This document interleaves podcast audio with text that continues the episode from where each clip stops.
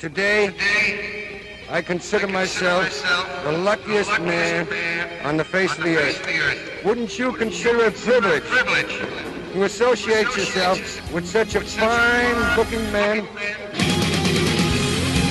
Here's Junior at third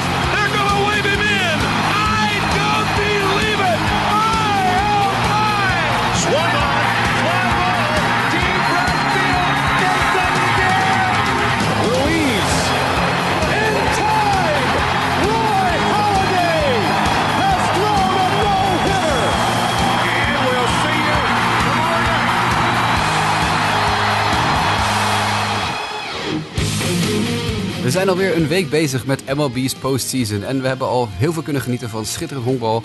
En natuurlijk ook de heartbreak die het met zich meebrengt als je team uitgeschakeld wordt. Natuurlijk ook de sensatie als je team het wel haalt.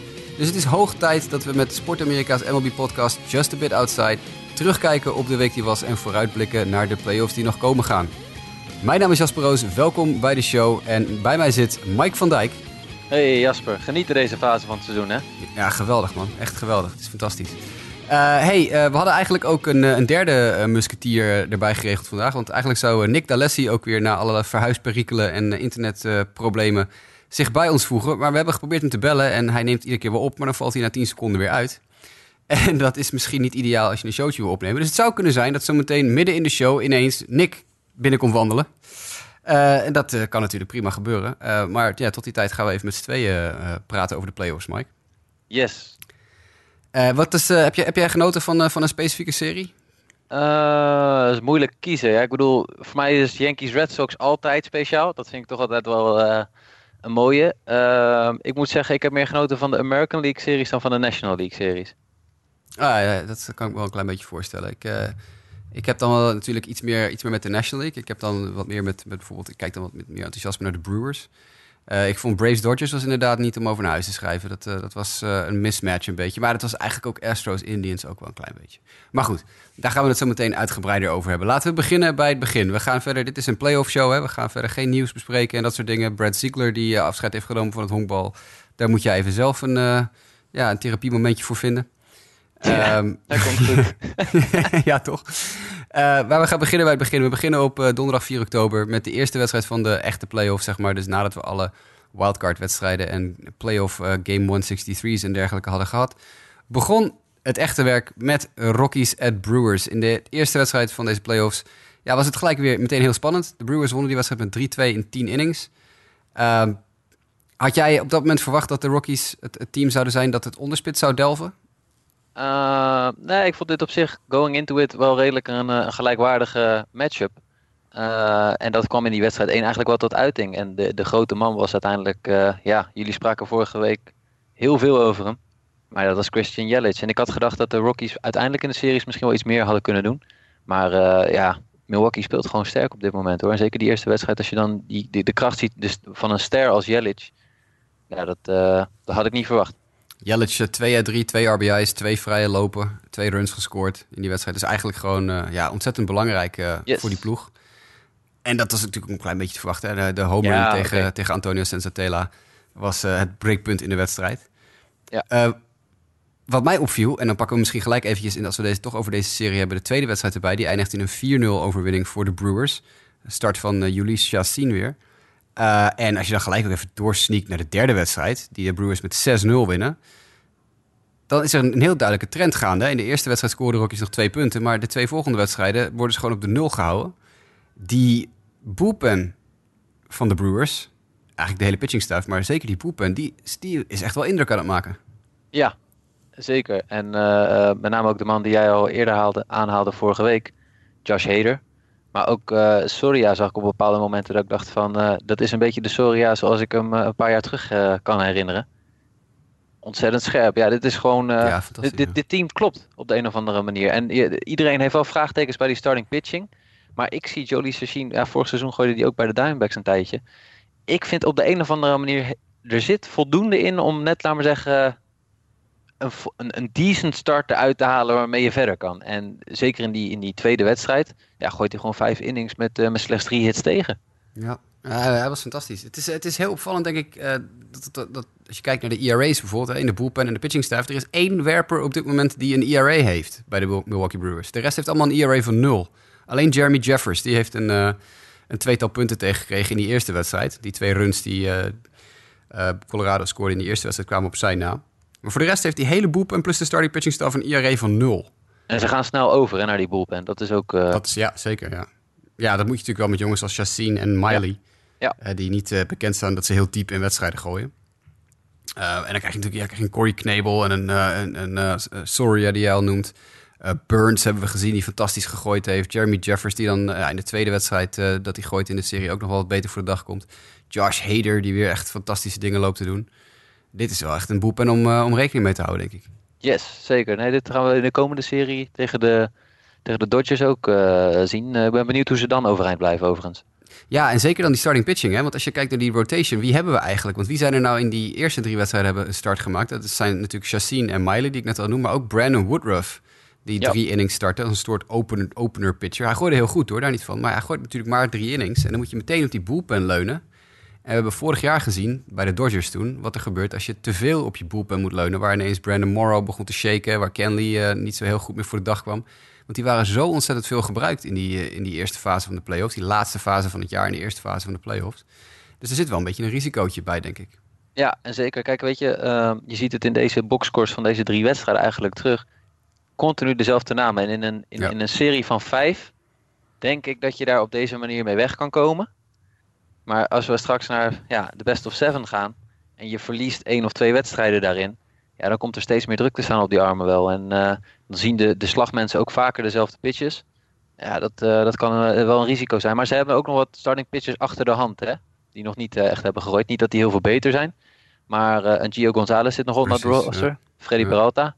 Dus je hebt nog wel wat armen ook nog verder beschikbaar. Maar dat, dat, dat zal in de volgende ronde moeten blijken hoe goed die overeind kunnen blijven tegen een, een Dodgers offense waar we het zo meteen nog over gaan hebben. Ja, want ja, die offense van de Colorado Rockies, dat is natuurlijk aan de ene kant, uh, gooien die werpers van de Brewers heel goed, maar die offense van de, Colorado, van de, van de Rockies, die zat echt niet, uh, die waren niet bij de les volgens mij de afgelopen, afgelopen week.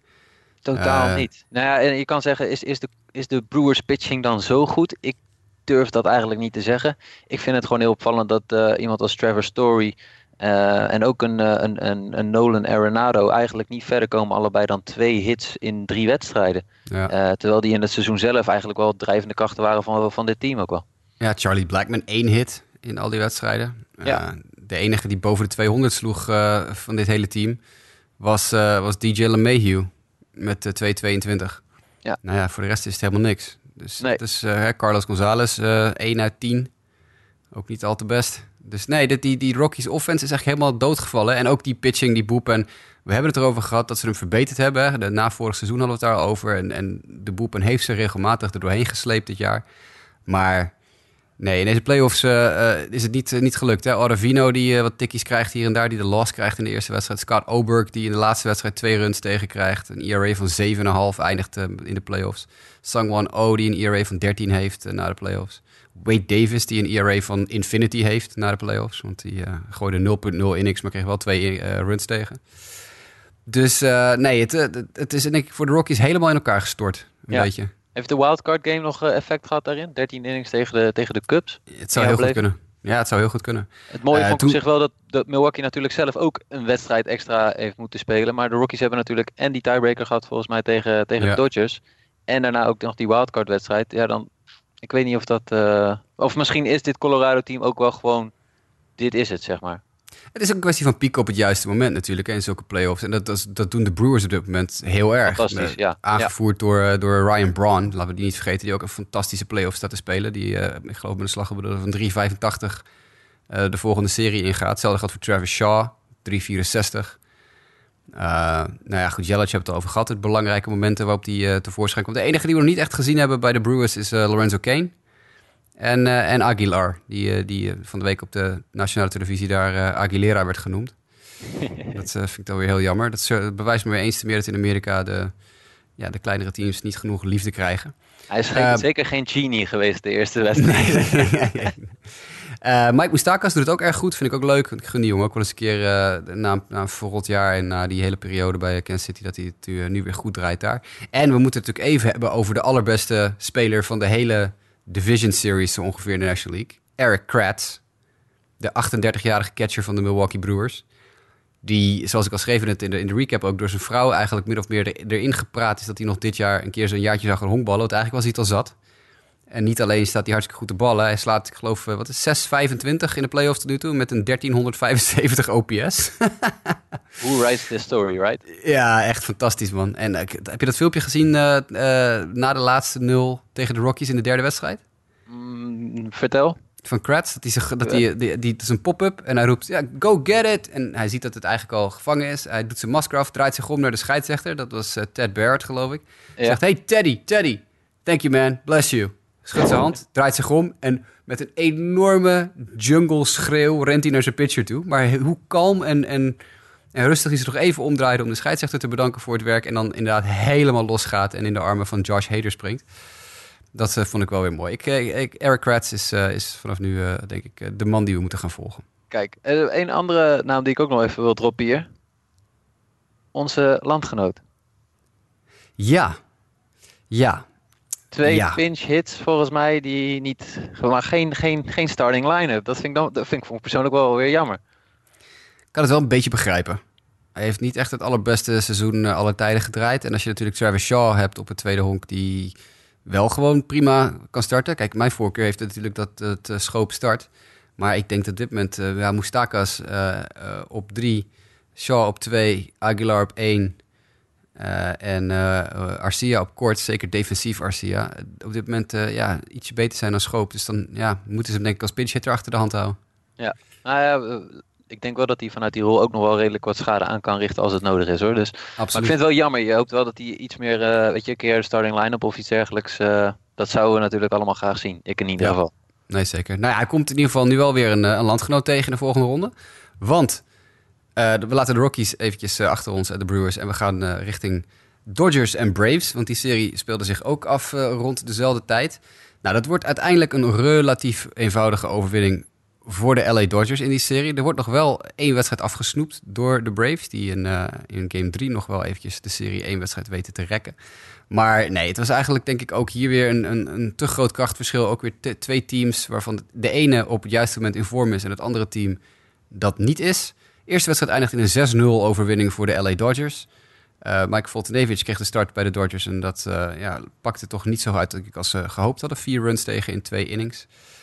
Um, opvallend uh, meteen aan die eerste wedstrijd dat niet Clayton Kershaw de start kreeg, hè? Nee, precies. Jan-Jun Ryu, Ryu ja, ja. Die, de, de Koreaan die geweldig gooide. Zeven innings, vier hits, acht strikeouts. Maar ja, dat, dat, is toch wel even iets, heeft wel iets losgemaakt uh, binnen, de, binnen de Dodgers, denk ik. Van hey, uh, wat is dit? Er is, er is natuurlijk uh, uiteraard iets voor te zeggen geweest, dat bleek maar weer. Maar ook het feit dat hij nu voor de NLCS wel gewoon weer op de rol staat als eerste starter. Denk ik dat dit een eenmalig dingetje was, toch?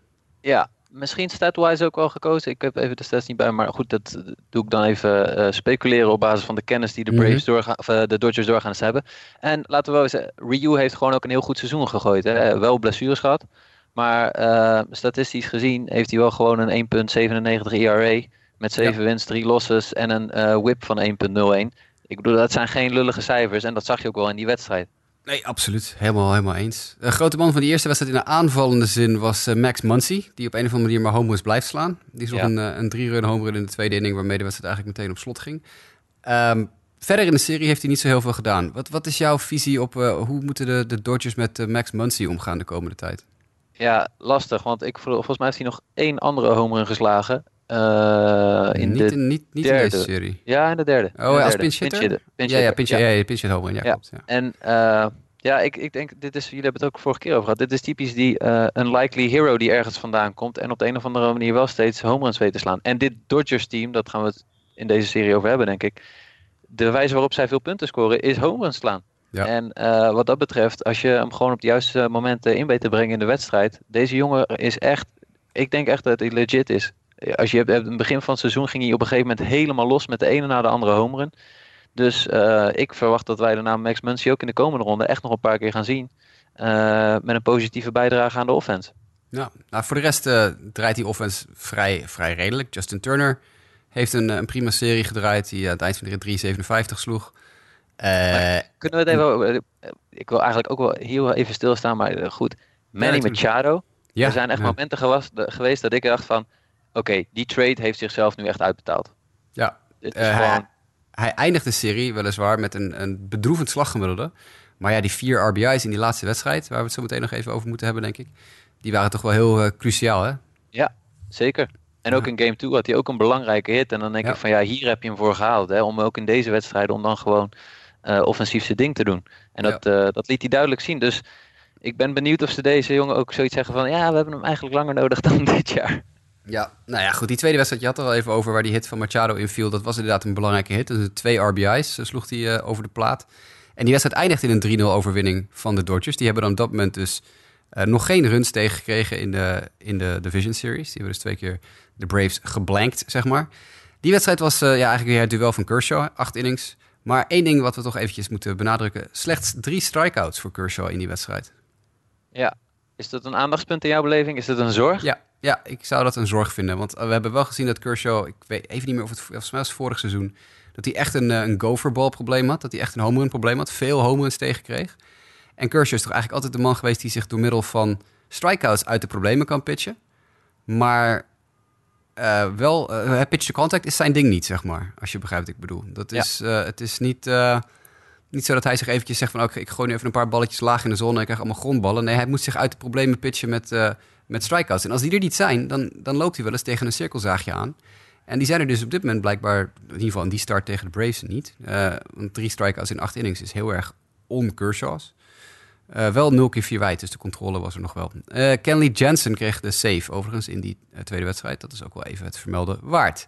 Even in die zin, het is grappig. Kershaw heeft in zijn carrière sinds 2008 drie seizoenen gehad dat hij minder strikeouts had dan innings gegooid.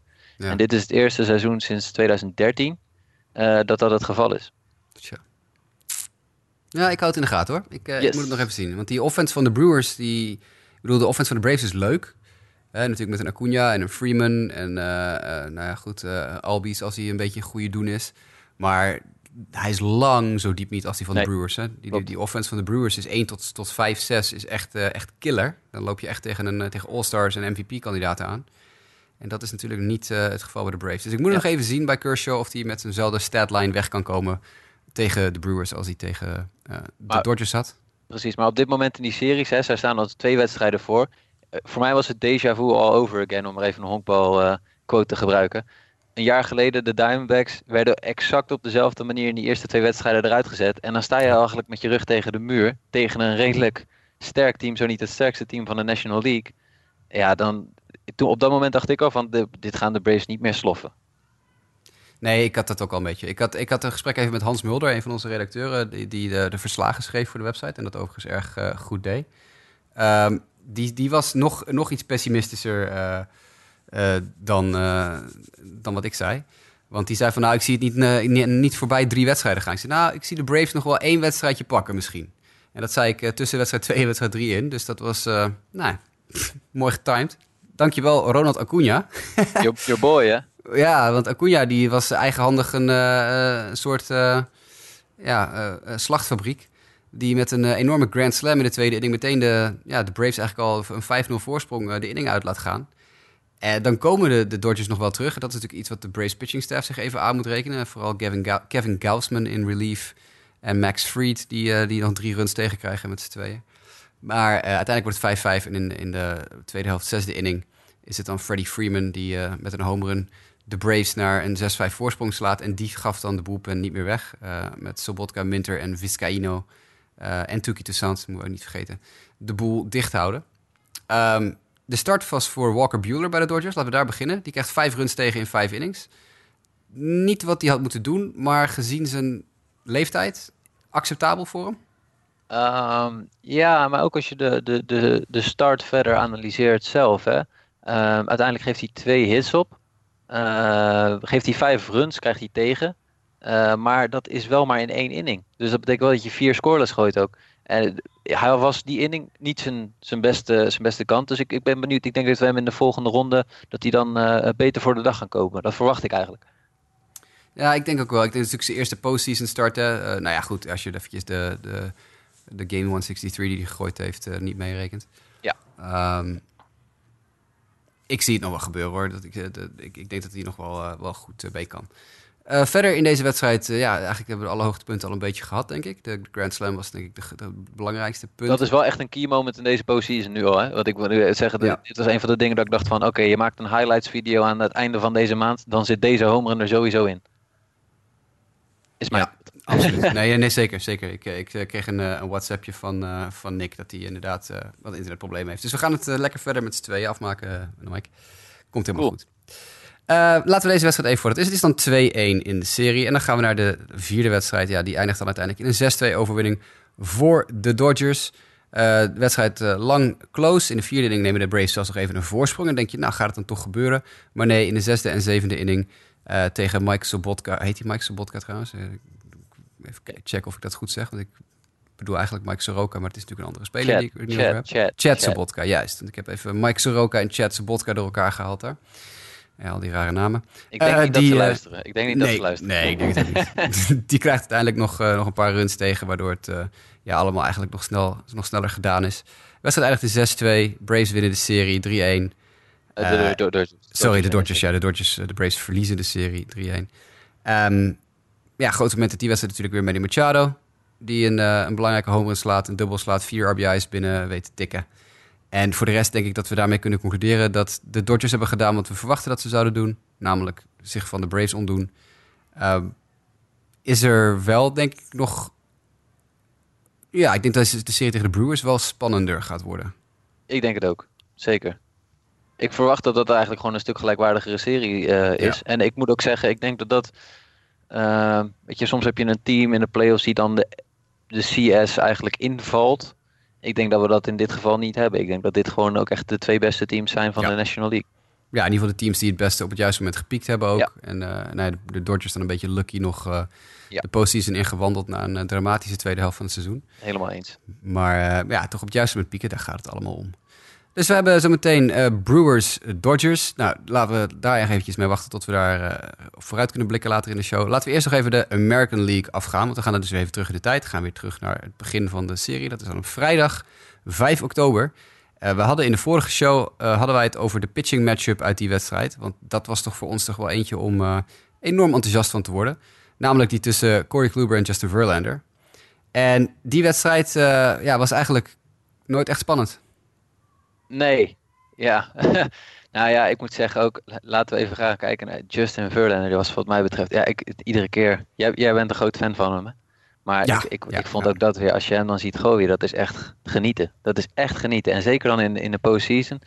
Eh, ik vond hem zeker die eerste innings, vond ik hem echt sterk. En dan denk je van, oeh, dit wordt een zware voor Cleveland. En aan de andere kant Corey Kluber, ja, ook een grote naam. Maar die had het wel een stuk lastiger tegen een, een Houston offense. Die in deze serie ja, echt eh, eh, heeft laten zien dat ze eh for real zijn. En eh, nog steeds eh, net zo goed als vorig jaar in de postseason. Ontketend vond ik ze. En dat, Yes. eh, daar heb ik ze meteen als ik, eh, volgens mij is dat game 3, ja. Dan kom ik straks nog even op een observatie uit die wedstrijd terug om dat eh, wat, wat meer te onderstrepen. Maar die offense, daar kan je bijna niet tegenaan pitchen. Zelfs niet Nee. als je een Corey Kluber bent. 4.2 innings, 4 earned runs, 2 strikeouts, 3 home runs tegen eh Kluber. En dat is toch heel erg on, on-Kluber-achtig, zullen we bijna zeggen. Ja. Eh, George Springer, eh, Alex Bregman en Jose Altuve slaan home runs tegen Kluber.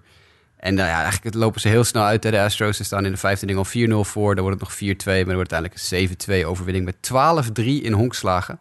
En Ja. dat gaf eigenlijk al een beetje aan. En als je dat dan doortrekt naar het eind van de week, als eh, de, de, de laatste wedstrijd in de serie gespeeld is. En dan kijk je naar de, bijvoorbeeld de slaggemiddeldes bij de Cleveland Indians. En die slaan als team op dat moment, ik geloof, iets van 158 over de hele serie. De enige die daar serieus echt fantastische dingen loopt te doen is Frankie Lindor Yes. die 364 slaat met een 1273 OPS. Maar voor de rest is denk ik die hele offense ijs en ijskoud geworden. Ja, ja, eigenlijk is het gewoon, eh, dit klinkt heel hard, maar eh, Frankie Lindor en de Bad News Bears. Want Ja. de rest, ook de namen waarvan je het mag verwachten. hè. Eh Encarnacion, ik vind ook wel Donaldson. En, en in dit geval die Jose, Jose Ramirez. Ja, pff, eh, je- die- ze gaven niet thuis. Nee. En je kan, je kan geen honkbalwedstrijden winnen als je geen offense hebt. En dit was eigenlijk het Cleveland Indians team qua offense. Wat we die eerste maanden wat dat betreft een beetje hebben gezien. Die het gewoon niet voor elkaar kreeg. Nee. En er waren ook, ik, volgens mij was dat deze wedstrijd. Weet ik niet helemaal zeker. Maar dat uh, bal werd geslagen naar het rechtsveld. En dat Melky Cabrera. Ja, ik weet, ik weet. Ik, een beetje bobbelde, ja. Ja, en dan Ja. heb ik zoiets van, nou ja, als je met dat, eh, met alle respect voor Melky Cabrera en de power en de offense die die allemaal normaal gesproken weten te staan, maar hij gaat toch vrij bedroevend atletisch gezien naar die bal. Ja, nee, dat zag er niet goed uit. Jongen, maar dat helpt, dat helpt jongen, natuurlijk jongen. Nee, precies. Dus dat, eh, eh, dat, dat vond ik dan ook niet al te best. Maar offensief was dit inderdaad, nou ja, ijskoud. Ja, nou, we hebben het een beetje aangekondigd vorige week ook in de show. Dat wij toch dachten dat de Indians de, de, de zwakste broeder mogelijk in de postseason waren. Nou, dat werden uiteindelijk de Indians en de Rockies die allebei records neerzetten voor futiliteit als het op playoff performances aankomt voor aanvallen. Want beide teams sloegen ver onder de 200 als team. En dat is geloof ik in de modern era eh, niet voorgekomen. Ik geloof dat ze de, de tweede en derde van onderen waren aller tijden of zo. Dan hebben we het over eh, enkele honderden playoff wedstrijden. Dus nee, dat is niet, eh, niet om over naar huis te schrijven. De tweede wedstrijd eigenlijk een beetje hetzelfde verhaal. Wordt iets Oh. spannender wel. Ja, Maar Garrett Cole, Garrett hè? Cole. Ja, echt wel genieten toch, of niet? Ja, nee, echt fabelachtig. 12 strikeouts in 7 innings, 1 punt tegen, 3 hits. Man, Wat, man, man. wat een pitching. Wat Ja. een pitching. Deze man, echt. Op dat moment dacht ik ook eigenlijk van, ja, dan heb je game 1 Verlander en game 2 Garrett Cole. Wauw. Ja. Ja, dat is echt fantastisch. Eh, de, de Indians counterden dan met eh, eh, Carlos Carrasco. En die deed aardig. Maar ja, tegen deze Houston offense is niet op te pitchen, denk ik. Bregman opnieuw met een home run. Eh, deze keer eh, tegen Trevor Bauer. In de zevende inning, die als reliever de heuvel opkwam. Ja, voor de rest, het- hetzelfde laken de pak. hè. Wedstrijd eindigt in 3-1, 9-3 in, eh, in hits. Osuna krijgt de save. We hebben natuurlijk eerder dit seizoen behoorlijk te- een keer gegaan over Osuna. Nou, dit is dus waarom ze hem gehaald hebben. Dit is dus waarom de Astros al, dat, al die shit over zich heen hebben willen krijgen. Hij, was, hij was goed. Maar ja. Ja.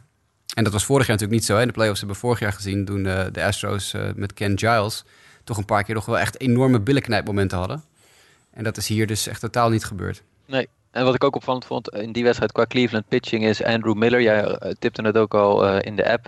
Geen goed seizoen en was ook in deze wedstrijd eigenlijk niet zijn, zijn, zijn beste vorm. En ze probeerden ook een beetje Trevor Bauer in deze serie eigenlijk op een Andrew Miller-achtige manier in te zetten. Maar dat pakte ook eigenlijk totaal niet goed uit. Dat hebben ze meerdere keren geprobeerd. Hè? En dat is iedere keer eigenlijk net iets net, net fout gegaan een beetje. Het is jammer dat Nick eh, zijn internet niet meewerkt. Want hij is de Trevor Bauer specialist. Maar ja. Ja. jij hebt met de Diamondbacks natuurlijk ook veel met te maken gehad. Ja, Eh, nee, dat klopt. Ik, ik, heb, jij, heb jij er een verklaring voor? Is, het, is dit dan toch zenuwen voor hem? Of wat is het? Ik, eh, hij, er is inmiddels een aardige historie van Trevor Bauer en postseason appearances dat het nog niet helemaal optimaal eh, geslaagd project is. Hoewel vorig jaar had hij wel een paar goede starts, hè, dat moeten we niet vergeten. En dit Nee, seizoen, hij heeft dit seizoen heel goed gegooid. Alleen hij kreeg op een gegeven moment eh, een blessure. En ik vraag me af of hij wel echt optimaal fit was en optimaal scherp was om Ja. nu op dit moment in die postseason eh, eh, te excelleren. En ik denk dat dat wel het gameplan is geweest van Francona. Die pitcher wil ik gebruiken voor de momenten dat we nog echt eventjes eh, wat langere relief nodig hebben. Maar dat dat gewoon niet goed heeft uitgepakt. Nee. Nou ja, aanvallend gezien de enige man die we nog even moeten bespreken in deze wedstrijd is Marvin Gonzalez. Die 4 Yes. uit 4 met twee RBI's ging. Eh, die man weet toch ook altijd weer een moment te vinden eh, om belangrijk te zijn, hè? Ja, ja en eh, eigenlijk ja, in een line-up die eigenlijk veel meer sterren heeft, grotere sterren heeft dan de naam Marvin Gonzalez. Ja. Nee, maar hij is, hij is een, echt een integraal onderdeel. Een heel belangrijk onderdeel van, van die line-up. Precies op die plek waar hij slaat. Meestal vijfde in de line-up. Eh, waar hij toch iedere keer weer zijn, ja, zijn RBI's mee weet te pikken. Ook in die derde wedstrijd weer. Gewoon ja, rallies door laat gaan, weet je wel. Als je denkt van, oh, nu komt er een einde aan de rally. Nee, er komt helemaal geen einde aan de rally. Want Marvin Gonzalez, die pookt weer een singeltje ergens het, eh, het rechtsveld in of zo. Eh, echt een ontzettend belangrijke speler voor, voor die Astros hier. Eh, Yes. laten, we, laten we doorgaan naar die derde wedstrijd dan gelijk. Want daar was hij ook van belang. ja, ook daar was hij van belang. Nou, daar maakten de Astros echt gehakt van de Indians. Dat was... eh, Ah, ja. echt- Maar dit was een mooie wedstrijd om te zien. Maar ik ga jou even het verhaal laten vertellen van nou de ja, wedstrijd. je, je mag gerust, eh, gerust eh, inspringen als je wat te melden hebt. Het duurde heel lang voordat die wedstrijd echt ontbrandde. Hè. Het was tot, tot en met, de, laten we zeggen, begin zesde inning... stond het gewoon 2-1 voor de Indians. Dat, dat was gewoon eigenlijk heel spannend. Mike Clevenger, ik weet dat jij ook wel een Clevenger-fanaat bent. Fantastische pot, hè? Zeker, hij stond echt goed te gooien. En eh, ja, aan de andere kant Dallas Keuchel. En dat was gewoon echt een... Die wedstrijd ont, eh, ontvouwde zich echt op een hele leuke manier. Waardoor je echt dacht van, nou, ik ben benieuwd hoe dit gaat lopen. En toen Clevenger er eigenlijk afging... ja, toen was eigenlijk de wedstrijd ook een beetje gedaan op een gegeven moment, kort daarna. Ja, en toen kwam Trevor Bauer erin als eerste reliever. Dus die, dan hebben we het over de zesde inning. En die... Uh, die, die, houdt het één inning nog schoon. Maar in die, in, die, in die zevende inning, als hij er weer opkomt, eerste helft zevende inning, Houston aan slag. Nou, en dat is het moment waar ik het eerder over had, waar ik even op terug wilde komen. Toen zat, ik zat die wedstrijd ook te kijken en ik, uh, ben op dat moment heb je de, de, de, ik geloof de top of de line-up was, was aan slag. Ik kan het nog eventjes er precies bij pakken, maar um, je had in ieder geval een, een, periode dat er, even kijken, dat begon met Tony Camp, laag in de line-up, die een single sloeg. Uh, vervolgens maakt Bauer een, uh, een error, omdat hij die pick-off weggooit en Kemp schuift daardoor op. Toen zie je George Springer, die, zo'n, die een, ja, een soort, ja, het is niet eens een infield hit, een halve stootslag die hij sloeg. Uh, die bal die rolt een paar meter richting de derde honklijn en Springer is natuurlijk heel snel. Dus die is safe, Kemp schuift op naar drie. Vervolgens gebeurt er met El Tuve eigenlijk ook weer een vergelijkbaar iets. Die, die slaat een, een, een force-out naar de korte stop. Maar het is allemaal zo close. Dan krijg je nog Bregman die op een force attempt ook uh, het honk bereikt na een error wederom van Trevor Bauer. Nou, dan wordt er dus al een paar keer gescoord. Uh, op dat moment zat ik te kijken en heb je het dus over jongens als Kemp, Springer, Altuve en Bregman... die op dat moment aan slag zijn geweest en die allemaal gerend hebben. En ik zat te kijken en ik, ik zei letterlijk van... oh mijn hemel, die gasten zijn allemaal zo snel en kunnen allemaal zo hard slaan het is zo ontzettend compleet team. Hè? Guriel die dan volgt met een, met een vier wijd. En dan komt die dubbel van Marvin Gonzalez eroverheen. Een soort waardoor... swing, hè? niet eens een volle klap in mijn Nee, precies. Maar allemaal echt perfect, perfect getimed. En, het is, en ze zijn allemaal zo snel. En ze slaan allemaal zo hard. En ze zijn zulke goede slagbeurten. Die, die, die walk van, van Juli Guriel was echt fantastisch. Echt een heel, heel goed oog. Later in de inning krijgt Carlos Correa nog een keer vier wijd. Dat je ook denkt van wauw, dit is ook echt ja, gewoon een heel goede at-bat. Dat was echt de inning waarvan ik dacht, nou, ik zie hier gewoon een potentieel ja, World Series team in. Het is, het is zo ontzettend compleet. Ja, geen, de, ja ik wil zeggen geen zwakke punt. Nee, maar, dat, dat, nou, zeg ik pas op het moment dat het team de World Series gewonnen heeft. Maar op dit moment zijn ze moeilijk te spotten bij de, bij de Houston Astros. En wat mij in die inning daarvoor, dat Bauer eigenlijk erop kwam, al opviel toen struggelde hij eigenlijk ook. Had een beetje problemen met zijn controle. Want de eerste pitch zat er eigenlijk al niet goed. En in die inning daarop, waar het eigenlijk misging, uit hetgeen wat je nu vertelt, had hij ook op bepaalde momenten dat ik denk van je bent niet in je goede doen. Je bent niet ideaal scherp, je control is niet optimaal. Uh, ja, en ja, op een gegeven moment, kijk, ik ben helemaal voor, dat hebben we het hier net uh, voor de podcast over, ook over gehad. Er was eindelijk primetime honkbal. Of uh, playoff honkbal voor ons op een maandagavond om een uurtje of zeven. Wat willen wij nog meer aan deze kant van de oceaan, toch? Nee, absoluut, uh, natuurlijk. Ja. Maar ik moet zeggen, toen op een gegeven moment die beslissing gevallen was, ben ik wel gaan slapen. ja, nee, maar dat kan ik me ook wel voorstellen. Weet je. Dat is, uh, op, op, een gegeven moment lopen ze weg en dan denk je, oké, dit, gaat, dit gaat Cleveland sowieso niet meer goed maken. Zeker niet in de staat waarin ze nu zijn. Ja, en dan krijgt die boep en krijgt nog vreselijk klappen. Uh, Cody George Allen Springer. en Brad Hand en, en, en die andere laatste figuur, ik ben even zijn naam vergeten. Die wat, wat Simber, Simber. Simber, Simber, ja inderdaad. Adam Simber. Die, die al, bij elkaar nog zeven runs weggeven met z'n drieën. Dat, je, dat, is, dat zou dan je, je, je sterke boelpenners moeten dat zijn. Cody Allen en Brad Hand, die echt helemaal aan gort gebeukt worden. Uh, dat, ja. is, dat, is, dat is, ja... Nee, dan weet maar je wel... George Springer ook, hè, belangrijk in deze wedstrijd. Die staat ook ja. echt een goede series te spelen. Uh. Ja, Springer 429 met een 1500 OPS aan het eind van de rit. Ook weer een paar home runs natuurlijk. Dus die, uh, die home run streak van hem is ook nog intact. En ja, voor de rest, Altuve fantastisch. Uh, Bregman geweldig. Echt, die heeft een OPS van meer dan 2000 na die drie wedstrijden. Dat hou je yep. toch niet voor mogelijk. Dat is echt, uh, ja, goed. Dit is uh, een van de beste teams uh, die ik ja. in lange tijd gezien heb. die, ja, dat is eigenlijk heel simpel. Die serie beëindigt, wordt dus beëindigd met een, een, eliminatie van de Indians en de Astros gaan door. En dan krijg je natuurlijk het, ja, de serie waar het iedereen om te doen is.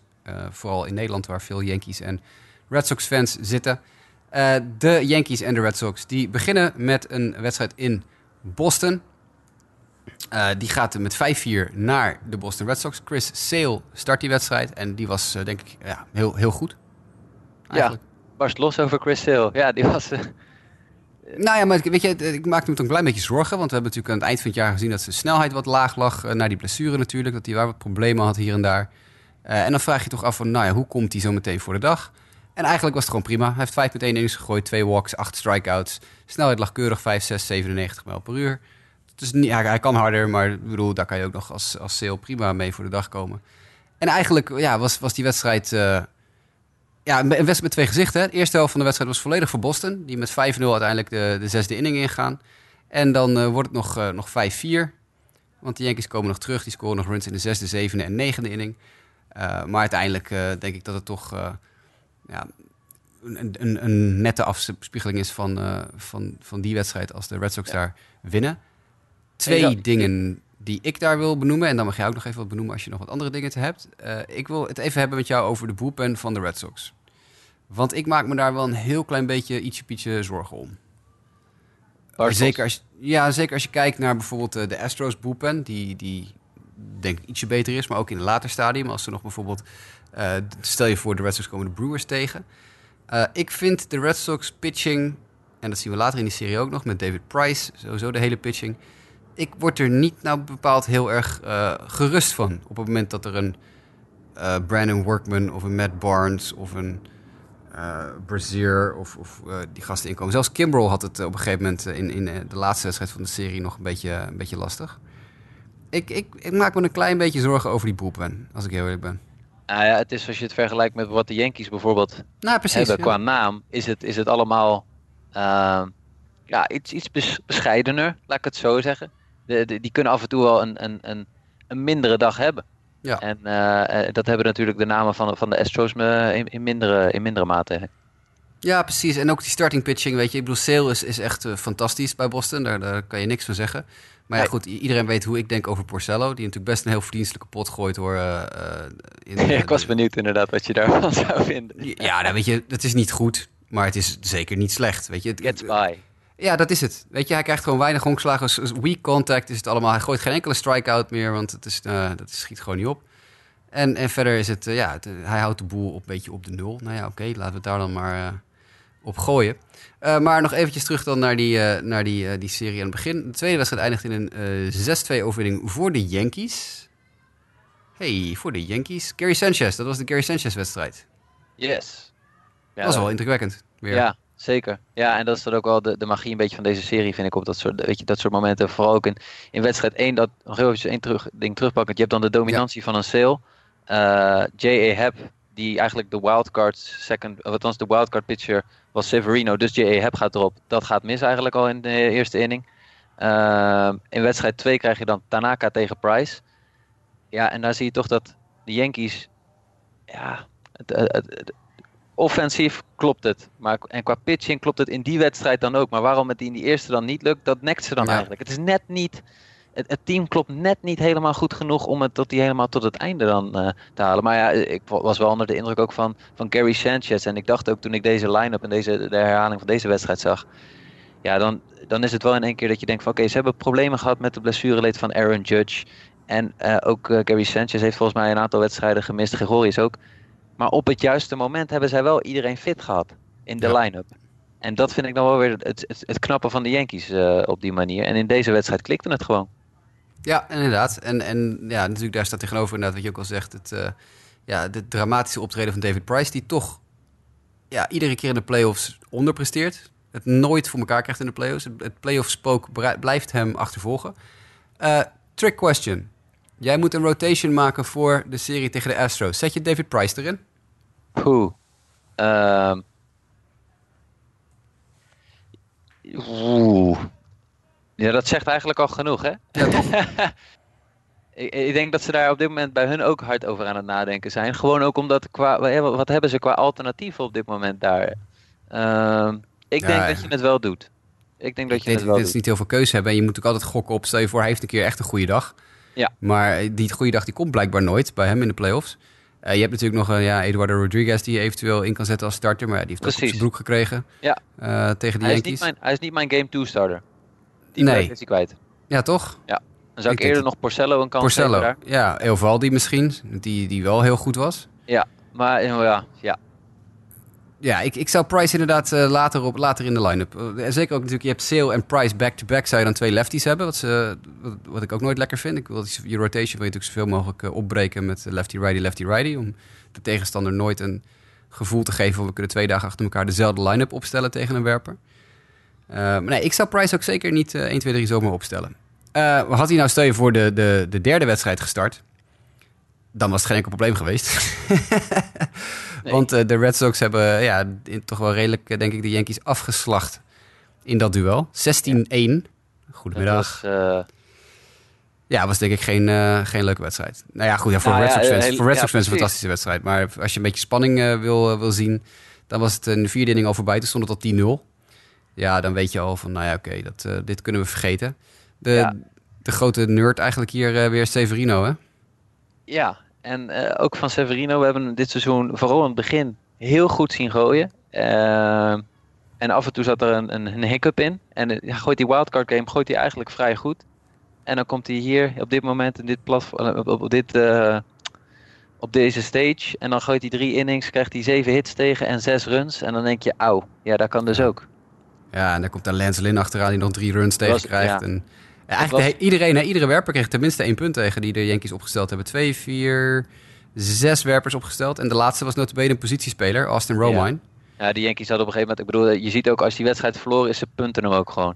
Ja. Ja. Betances krijg je dan niet te zien, Chapman krijg Nee. je dan niet te zien. Die hebben we die dag niet Robertson nodig niet, Yankees dan. Ja. Ja. En wat mij, ik, ik, ehm, Boston heeft dit volgens mij ook enigszins slim gespeeld. Eovaldi heeft natuurlijk bij de Yankees best een redelijke tijd gehad toen hij daar starting pitcher was. Hij was geen star, maar hij, hij, hij, hij was redelijk. Heeft toen een eh, blessure gehad. En ik denk dat hij gebrand was erop om ook in deze wedstrijd zijn beste kant te laten Ja. zien. En ja, Eovaldi was in deze wedstrijd echt lights out ook. Ja, nou, hij was echt fantastisch. Ja, echt, eh, echt geweldig. Zeven innings, vijf strikeouts, één earned run tegen. Heel goed. Boepen houdt het volgens ook droog met Hembry en Rodriguez. Maar ja, de grote man waar we het natuurlijk over moeten hebben in die wedstrijd is Brock Holt bij de Boston Red Sox. Want Brock Holt eindigt de wedstrijd met een cycle. Ja, nou dat Ja. is altijd wel vrij uniek. Zeker in de playoffs, toch? Ja, ik denk dat hij wel heel blij was dat hij in de la- laatste inning nog even tegen een positiespeler mocht slaan. Want hij was de man die eh, tegen Austin Romine nog die home run sloeg, waardoor hij zijn cycle compleet kon maken. Ja. Ehm, vind je dat daar een sterretje achter moet dan bij zijn cycle? Van ja, het was tegen een positiespeler? Eh, nee, ik niet. Nee, hè? Nee, Nee, vind ik vind het meer. Het, het- ik, ik dacht wel meer vanuit de Yankees gezien. Dit geeft wat extra zout in de wonden. Ja, nee, dat zeker. Dat zeker. Dat is absoluut waar. Eh, wie in die wedstrijd eh, ook weer een beetje een teken van le- leven gaf, was eh, Mookie Betts. Maar ja, die zakt dan vervolgens in de laatste wedstrijd weer weg. Maar ook Andrew Benintendi had een goede wedstrijd. Ja, eigenlijk waren er geen één, was er geen één Red Sox die een slechte wedstrijd had eigenlijk. Volgens mij heeft iedere starter had tenminste één honkslag. Dus dat, ja, dan weet je wel hoe laat het is, toch? Ja. Zullen we maar snel deze wedstrijd even ook punten dan en naar de laatste gaan? Zeker. Red Sox Yankees woensdag 10 oktober. De Rick Porcello-wedstrijd. Die eindigt in een 4-3 overwinning voor de Boston Red Sox. En daarmee waren de New York Yankees uitgeschakeld in de playoffs. Want dan is het 3-1 in de series en dan is het voorbij. Eh CC Sabathia start die wedstrijd voor de Yankees. Kreeg drie runs tegen in drie innings. En die had na de wedstrijd echt eh, geen goed woord over voor de homeplate scheidsrechter. Hij heeft hem helemaal afgemaakt. Het is natuurlijk onze goede vriend Angel Hernandez. Die echt een... Nou, ja, laten we het heel even kort over Angel Hernandez hebben. Wat een serie die man had. Die al in, ik geloof, game 2 of 3... vier calls maakt op één... waarvan er drie teruggedraaid worden. Na replay. Nou, sorry hoor. Eh, noem mij even een hoogbetaalde baan waar heel veel op het spel staat... waar je drie uit vier enorme blunders mag maken... en dan nog steeds eh, in de playoffs wil staan. Ehm, Dit was, was- Dit, was, dit was de man ook die eerder dit jaar aangaf dat Joe Torre iets tegen hem had, waardoor hij nooit de World Series mocht doen, toch? Ja, precies. Hij heeft die rechtszaak nog steeds lopen tegen MLB... omdat hij vindt dat er gediscrimineerd wordt tegen hem... omdat hij nooit de playoff-wedstrijden krijgt. En dan krijgt hij er een serie. En eh, eh, nou, hij was van de week al echt verschrikkelijk in die wedstrijd... dat hij echt gewoon serieus drie van zijn vier beslissingen... werden teruggedraaid naar replay. En het was ook niet eens close. En dan heeft hij de homeplate ook notabene die wedstrijd daarna. Nou ja, het, ik bedoel... Dit, is, dit tekent wel gelijk. Kijk, aan de ene kant moet Sabathia natuurlijk niet, niet na de wedstrijd heel hard gaan Nee. roepen. Hij is heel slecht in zijn werk. En dat weten we allemaal. Want ja, we weten het inderdaad allemaal dat hij slecht in zijn werk is. En natuurlijk, je mag het af en toe best eens zeggen. En je zag tijdens de wedstrijd ook heel veel geprotesteerd. Ook van de Red Sox. Ik heb Benintendi die ook helemaal los ging op hem. Zowat op een gegeven moment na een strike three call. was ook terecht, had Benintendi helemaal gelijk in. Eh, dus we weten allemaal dat Hernandez slecht is. Nou, dan moet Sabathia misschien even iets, iets politiek correcter zijn. Eh, en ja, dan reageert Rick Porcello. En dan reageert Rick Porcello op een manier eh, waar je prima kan zien waarom ik zo'n afschuwelijke pesthekel aan Rick Porcello heb. Namelijk die zegt, ah, Sisi Sabathia moet gewoon zijn mond houden. Die moet gewoon de bal over dat witte stuk gooien dat, op de, dat, dat voor een slagman ligt. Dan is het allemaal geen probleem. Nou, dan ben je dus gewoon een ontzettende zak hooi. Dus Rick Porcello heeft zich nog fermer genesteld in het rijtje van spelers waar ik een ongelooflijke bloedhekel aan heb. Eh, want die moet zich natuurlijk daar gewoon helemaal niet mee bemoeien. Want ook zijn ploeg protesteerde over, eh, over, over strike calls van Angel Hernandez... die gewoon weer een hele slechte wedstrijd stond te callen. Dus hou dan gewoon je mond. Als je dan niks zinnigs te zeggen hebt, zeg ik dan altijd maar. Eh, wil jij nog iets verder noemen over deze wedstrijd? Ja. Namelijk? Ehm, Craig Kimbrell. ja. Ja, dat was een van de dingen. Een van de dingen was, was dit het voor TC Sabathia? ik denk het sowieso bij de Yankees wel, ja. Ja. Andere was die negende inning. Eh, Boston staat eigenlijk probleemloos voor. Relatief probleemloos, 4-1. En dan krijg je die negende inning. En dat, dat is, ja, dit zijn wel de momenten waarvoor je leeft. En eh, waarvoor je denkt dan, dit is, dit is waarom ik zo van honkbal hou. Hè. Negende inning. Chris Sale gaat eraf. Craig Kimbrell komt erop. En die honken lopen een beetje vol. En dan krijgen de Yankees aanslag. Giancarlo Stanton. Gary Sanchez komt voorbij. En volgens mij ook nog een andere eh, grote naam. Ik ben even de naam kwijt. Maar dan dacht ik van ja, dit zijn wel de namen die de Yankees zeg maar aan slag willen hebben in deze positie. En ze weten het niet. Weet je, de, ja, houdt het dan net aan dicht allemaal. En dat, eh, dat is dan een beetje in die zin geluk. Want eh, als de bal van Gary Sanchez die naar het linksveld slaat 10 meter verder ligt, dan ligt hij eroverheen en dan eh, winnen de Yankees 5-4. Dan heb je een hele andere wedstrijd. Maar Kimbrel was daarin wel shaky. Ja, dat is waar. Het, begon met een, eh, vrije loop voor Judge, die inning. Eh, toen een honkslag van Didi, een strikeout voor Stanton, eh vier wijd voor Luke Voigt. En eh, hit by pitch voor Neil Walker, want die kreeg Ja. nog een bal op zijn op zijn lijf van, eh, van Kimbrel. En dan een sacrifice fly van Sanchez. Ja, als die dus eroverheen was geweest, dat scheelde niet een- veel. Nee, Ja. dat scheelt niet veel. Dan heb je een heel ander plaatje. Dan heb je een Aaron Boone moment, maar dan met Aaron Boone als manager in plaats van als, Ja, precies. als, eh, als speler. Ehm, ja, weet je, dat, ik, Kimbrel, als je dat toch een slechte dag moet hebben, dan, dan maar op, de, op zo'n manier. Eh, Chris Sale kreeg een hold, want die heeft natuurlijk een inning gegooid. Dat was de eerste hold sinds, ik geloof, 2007 of zo. Nou, echt een eh, kleren, kleren eind geleden. Misschien niet 2007, maar 2011. Lang geleden. Die heeft heel lang niet meer een, eh, een hold verdiend. Dat is dus dan weer leuk voor de statistiekjes. Eh uiteindelijk staat het hetzelfde. Red Sox gaan door. Yankees liggen eruit. Dus we krijgen nu de playoffs. Het geüpdate playoffs plaatje. Is nu dus dat komende vrijdag de volgende fase van de playoffs begint. De Championship Series. De National League Championship Series begint als eerste. Namelijk het duel tussen de LA Dodgers en de Milwaukee Brewers. De Brewers als divisiewinnaar natuurlijk thuisvoordeel. Ehm Niet onbelangrijk. niet onbelangrijk. Clayton Kershaw is al aangewezen als starter voor LA in die wedstrijd. En uh, alle pijlen richten zich op Ulysse Chassin als starter voor de Milwaukee Brewers. Uh, we gaan, de, we gaan de, de series even af. We kunnen natuurlijk niet zoveel zeggen nog over de starters. Want er zijn hier en daar wel starters uitge, aangewezen. hey, ik zie zelfs net een, ik zie net een updateje Ja. dat Da- David Price inderdaad eh, aangewezen is als Game 2 starter. Nou, daar hebben wij dus onze mening al over gegeven. Komen we straks op. Beginnen bij Dodgers Brewers. Kershaw, Chassin en dan de rest. Gaan wij een, eh, wat, wat, verwacht jij van die serie? Wat, eh, wat, wat zou jij, nou ja, als je daar een analyse op los moet laten, wat gok je dan? Eh, nou, ik verwacht. Kijk, de Dodgers zijn gewoon een geslepen team op dit moment. die meerdere eh NLCS hebben gespeeld de afgelopen jaren. Het zijn, wat mij betreft, ook wel daardoor de favoriet. Eh, ze hebben de juiste pitching ervoor. En het team is gewoon goed op slag. Weet je, die, die gaan home runs slaan. Zeker in een, in een stadion als dat van Brewers, wat redelijk hitter-friendly is. Eh, ja, dan verwacht ik eigenlijk dat de Dodgers het betere team zijn. Ook omdat ik gewoon denk die pitching van, van Milwaukee. ehm, ik, ik vind dat onvoldoende. Hoe ze het, eh, hoe ze het opbouwen en dergelijke. En, De ehm, starters bedoel je? ja, dan? ja, precies. Vooral de starters. Ik denk dat je niet een 7-game serie kan winnen met starters die niet verder gaan dan de vierde inning. Zeg ik even een beetje gechargeerd, maar dat is wel... Nee, eh, dat, dat is absoluut het punt. Ja, dat Ja. is wat we eerder in deze podcast ook al bespraken natuurlijk. Hè? Hoeveel die bullpen is gebruikt eh, natuurlijk al. Ja, neemt niet weg dat ik volledig hoop, maar goed, dat is mijn NL West rivalry bias, dat ik volledig hoop dat de Brewers dit winnen. Ja, nee, dat, dat zou sowieso leuk zijn. Een keer een, een team dat je niet zo snel 1, 2, 3 in de World Series verwacht. Dat, eh, dat zou wel geinig zijn. Ehm, ik, ik denk een beetje hetzelfde. Eh, oh, oh, gooi nog eventjes een, eh, een eh, voorspelling in de, in, de, in de groep Best of Seven. Wat wordt het? Ehm, ja, ik ga dan even voor mijn gevoel. En dan, eh, eh, dan hoop ik gewoon dat op de een of andere miraculeuze wijze het eh, 4-1 wordt voor de Brewers. Zo, nou, dat Maar is, dat eh, gaat het- durft. Ja, de, reëel zeg ik, het wordt 4-2 voor de Dodgers.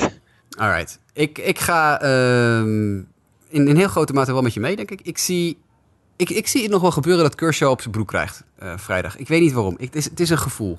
Het is een gevoel. Als hij, als hij net zo gooit als van de week, ik weet het niet. Als, hij, als hij dat gopherball-probleem ineens weer eens weer heeft, want wat er voor de Dodgers natuurlijk geldt, geldt voor de Brewers dubbel zo hard. Tuurlijk, Miller Park is een beetje een lanceerbedrijf. Maar er zit wel ook ontzettend veel power in die Brewers line-up. En het is hun eigen stadion. Ze weten precies waar ze die bal een beetje heen moeten slaan... willen ze succes hebben. Ik, nogmaals, ik zeg je natuurlijk nu niet dat Kershaw eh, klappen gaat krijgen... maar ik zie het nog wel een keer gebeuren... dat die, dat die, die wedstrijd niet zo eh, ongeschonden uitkomt... als van de week tegen de Braves het geval was. Eh, zeker niet als hij dus het gebrek aan strikeouts weer heeft. Mocht hij zijn curveball wel werkende hebben, dan wordt het een makkie. Maar dat is een ander punt. Ik denk dat deze serie nog wel eens een keer naar 7 kan gaan. Ik denk dat dit een 4-3'tje wordt. In het voordeel van? Eh, dan even denken, het is 2-3-2. 2 in Milwaukee, 3 in LA, 2 in Milwaukee. Dan zeg ik de Brewers. Ja, ik denk dat ze het gaan doen. Go, Ik denk, ik, ik denk dat ze hem splitten in eigen huis. In de eerste twee, 1 en 1. Dat ze eentje meenemen uit LA. En dan de laatste twee thuiswedstrijden winnen. Het zou wel, eh, laat ik zeggen, qua, qua script, is dit wel hoe je hem ongeveer wil, hè? Ja, nee, misschien is, het- misschien is het dat ook heel erg hoor. Misschien is het wel gewoon eh, heel erg wishful thinking. Maar ik denk serieus, die Brewers aanval is zo goed en zo heet. En die spelen op dit moment zo ontzettend vrij uit allemaal. En die pitching, het is natuurlijk wel waar, dat, hoor je bij heel veel teams door de jaren heen. We willen elkaar altijd verbeteren, pitching staff. Nou, die pitching staff van Milwaukee is op dit moment de beste in de postseason. Want wat ik net al zei, er is één werper met een ERA in de postseason. En eh, bij de Brewers, dat is eentje. De rest heeft allemaal nul. Dus er zijn geen pitching staffs op dit moment beter op papier dan de Brewers. En dan moet je natuurlijk de Astros niet uit gaan vlakken. Want wat, eh, wat die starters kunnen, dat kunnen ze bij de Brewers absoluut niet. Maar die combinatie van het boven jezelf uitstijgen... we hebben dat vaker gezien hoor in playoffs. We hebben vaker gezien dat pitching staffs... waar, waar van tevoren niets om gegeven werd... in staat zijn gebleken om, eh, om teams toch dusdanig ja, onder de duim te houden... dat de, de offense, die dan wel altijd heel goed was... het voor elkaar kon krijgen. Eh, er is een World Series geweest waar een rotation met Andy Pettit, Roger Clemens en Roy Oswald de World Series uitgesweept werd. Door een pitching staff waarvan, als ik nou ja, nu zou roepen welke, welk jaar het was en welk team het was, kan je misschien één of twee pitchers noemen. En voor de rest heb je geen idee. Eh, dus het kan echt wel hoor. Dat, dat grote namen als, als Clemens, Pettit en, en Oswald toen eruit gesweept werden door een stelletje onbekende figuren. Dat je nu eh, datzelfde ja, recept een beetje bij de Brewers krijgt. Ja. Mensen kunnen, pitchers kunnen boven zichzelf uitstijgen. En dat, dat, ik zie dat wel gebeuren. 4-3 Brewers. Zeker. En die gaan dan naar die gaan dan naar de World Series. de World Series. Ja. Ik moet wel zeggen, als Diamondbacks fan, dan ga ik even voor persoonlijke titel, dat je de Dodgers in de finale hebt staan en dan een team met Ryan Braun. Pff, Dat Ja. is mij thuis al verteld. Ha, nou nu moet je voor een van die twee teams zijn. Oei, oei, Ja. oei. Ja, nee, dat, dat is, Dat is voor mij zware tijden, ja. Ja, dat kan me voorstellen, man. Ehm, gaan we naar de EL, de ALCS. Er is World inmiddels Series. nog een, ja, nog een update. Nee, we moeten de ALCS nog eh, voorspellen. Voor Ja, de dat World zijn de. World Series. Daar Dat zijn- eens maken. Ja, ja, oké, oké, oké. I got you, I got you. Eh, terwijl wij zaten te praten, werd natuurlijk net al Sale en Price eh, ge- geannounced door de Red Sox. Maar inmiddels zijn daar voor Houston ook de starters tegenover gezet, zie ik op mijn schemaatje. Die zijn net echt voor mijn neus ingevuld. Eh, Chris Sale neemt het op tegen Justin Verlander, David Price tegen Garrett Cole. Dat lijkt me niet heel verrassend. Afgezien van dat ik Price niet als Game 2 starter neer zou zetten. Wat denk jij? Wat kunnen we deze serie verwachten? Ja, dit is, zoals ik net zei, dit is voor mij, als je de, de postseason gaat bekijken, dan moet dit de World Series worden. Ik verwacht namelijk, ik vind de American League, de teams die erin staan, echt, eh, eh, ik vind ze een klasse beter, dat durf ik gerust zo te stellen, een klasse beter dan de Milwaukee Brewers en de Los Angeles Dodgers. Eh, maar de prijs wordt hier niet verdeeld, zo zit het systeem in elkaar. En deze twee teams, ja, dit, dit is echt een serie, vind ik, om, om je vingers bij af te likken. Chris Sale, Justin Verlander. Dit, dit- ja, dit, dit is genieten. En Rematch ik, van vorig jaar, hè? ja, precies. En eh, ik denk eigenlijk dat, vergelijkbaar als jou, ja, als je dan toch een vraagteken moet zetten bij een van de teams en wat dan het, het zwakste punt is, dan is het toch wel de Achilleshiel, of in mijn beleving toch wel die pitching een beetje van Boston. Ja. Eh, en ook gewoon dat Houston zo goed is. Hè? Dat, is dat is ook gewoon. eh, dus ik, ik verwacht eigenlijk dat de Astros dit gaan winnen in 6. Dus eh 4-2. 4-2. Eh, ik ik denk het ook. Maar ik denk dan 4-1. En dat is misschien wel heel... Dan geef ik misschien Boston veel te weinig credit hoor. En ik wil niet alle Boston Red Sox fans in mijn mention- mentions krijgen op Twitter eh, zometeen. Dat punt heb ik al gepasseerd. zeg maar. Dat ja, is nee, precies. Nee, maar dat is, ik denk serieus dat, dat de, de enige wedstrijd die ik competitief zie zijn... is de eerste, Sale Verlander. En ik denk Ja. dat de Astros de Price helemaal aan gort beuken. Ik denk dat ze van Porcello niks heel laten. Eh, ik denk dat ze van whoever eh, daarna gaan starten... dat ze daar geen enkele moeite mee hebben. Die offense van de Astros is te compleet, te heet op dit moment ook. Eh, hebben geen enkele zwakke plek in die line-up. Eh, meer dan genoeg ervaring. Ehm, ik, ik zie echt eigenlijk alleen... Als, als, ik, nou, als, ik, als ik dan 4-1 zeg, dan, win- dan wint Boston de eerste wedstrijd. Sil Verlander, die, die, die pakken ze dan achter een, eh, een fabelachtige sale. En de rest gaan ze gewoon weer keihard op. Dat, ik, ik denk dat de Astros ja, gewoon, gewoon eigenlijk relatief eenvoudig gaan winnen.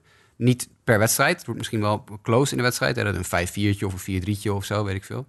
Maar ik denk dat als puntje bij paaltje komt, eh, de boelpen van de Astros beter is. De starting rotation van de Astros is mijlen beter eh, na nummer 1. En eh, ja, de offenses zijn zeer gelijkwaardig. Want ook Boston heeft natuurlijk een offense die je absoluut niet moet onderschatten. En die op ieder moment van de dag ja, uit, een, uit een band kunnen springen. Ja. Maar ik, zie, ik, ik vind dan, ik vind dan de, de offense van de Astros completer. Die zijn sneller, die zijn gehaider. Eh, ja, ik, ik denk dat het een, eh, een- ja, een 4-1'tje in het voordeel van de Astros wordt. Ja. Het wordt wel heel spectaculair. Een hele leuke serie. Maar ik denk dat het, eh, ja, dat het daarbij blijft. Ik denk dat Alex Bregman eh, de, de grote man gaat worden daar. Dat denk ik echt. Die gozer gaat... eh, die heeft vorig jaar eigenhandig al de Astros naar de World Series geslagen. En dat gaat hij dit jaar weer doen. Ik denk dat die jongen echt aan het op, zich aan het ontpoppen is tot een, eh, ja, een superster. Als hij dat al niet is. En Dus dan denken we allebei eigenlijk dat je, dat je een World Series... Of ja, jij denkt eh, eh, Dodgers eh, Astros en ik denk Brewers Astros. Maar ik hoop met jou mee dat het de Brewers Astros dan worden. Ja, ja nee. dat, dat is, kijk, ik, ik zeg ook meer met wat ik net al zei, wishful thinking. dat de Brewers hem gaan pakken. Het is wel een tijd geleden dat we de tweezelfde teams in de World Series zouden hebben in mijn beleving. Ja, inderdaad. Dat is het laatst sinds. Dat stond van week wel ergens op internet. Nou, dat ben ik even vergeten. Ik ook. Maar volgens tijdje- mij is een het een tijdje niet geweest. Eh, maar het moet eerst nog maar gebeuren. Het moet het eerst moet nog eerst maar nog maar gebeuren. gebeuren. Stel je voor, Astros Dodgers, rematch van vorig jaar. Wie, wie kies je? Astros. Ja, nee, ik denk dat, we er niet omheen kunnen. Als de Astros de Red Sox voorbij zijn eenmaal, dan, eh, dan staat denk ik niets meer in de weg. Want ze zijn beter dan de Dodgers en beter dan de Brewers, denk ik. Ja. Dus eh, ja, dat, het kan nog wel eens een keer... eh, de weg naar de World Series, inderdaad, zoals jij al zei, gaat eh, door de EL. De weg naar de titel. Dat denk ik ook. Gaaf. Ik heb er zin in. Ja, precies. We krijgen nu wel nog een heleboel mooie wedstrijden. En voor de Nederlandse kijkers, zaterdagavond 10 uur. Dodgers Brewers, dat is nog redelijke schappelijke tijd. Maar de rest wordt het waarschijnlijk nachtwerk. Nachtwerk, ja, inderdaad. En eh, voor de mensen die eh, geen MLB TV hebben, Fox Sports Nederland heeft eh, de rechten, zoals jullie misschien wel weten, dus mocht je Fox Sports Nederland hebben, kanaal 4, kanaal 5 en kanaal 6 afwisselend hebben we de afgelopen week gezien. zijn vooral de kanalen waar die wedstrijden op uitgezonden worden. Ik zie wel dus dan kan je het ook een scoopje bekijken. dat de Een World scoopje. Series, althans dat is geen scoopje, maar dat die via YouTube TV gepresenteerd worden. Betekent dat ook dat ze te bekijken zijn via YouTube TV? Dat weet ik dan weer niet. hey, dat zou wel leuk zijn. Dat zie ik nu toevallig voorbij komen. Maar dat, eh, Alle wedstrijden? Alle World Series wedstrijden? nou, de, de World Series are presented by YouTube TV. En ze worden wel uitgezonden Nee, op Fox, dat- maar dan... Dat volgens mij is dat gewoon eh, reclame. Ja, Volgens mij is dat gewoon een, eh, een reclame dingetje wat YouTube TV heeft bedacht van, er kijken veel mensen naar en zo kunnen we YouTube TV een beetje onder de aandacht eh, brengen. we maken reclame voor een, middels een streamingdienst, maar je kan het er niet op bekijken. Wat is dit nou, nou? ik ga even kijken. Ik ga even kijken. Misschien ook wel hoor, weet ik veel. Eh, fans can enjoy. YouTube en Major League Baseball hebben een multifaceted partnership aangekaart. De, de YouTube TV is de presenting sponsor met verschillende tv-spotjes en on-air call-outs, branding, social media en in-stadium promotion. Dus geen eh, daadwerkelijke uitzendingen Zonde. denk ik, als ik het heel snel zo zie. Nee, het is vooral eh, om, ze, om fans behind the scenes van de series te kunnen krijgen. YouTube. TV gaat wel originele World Series themed content maken.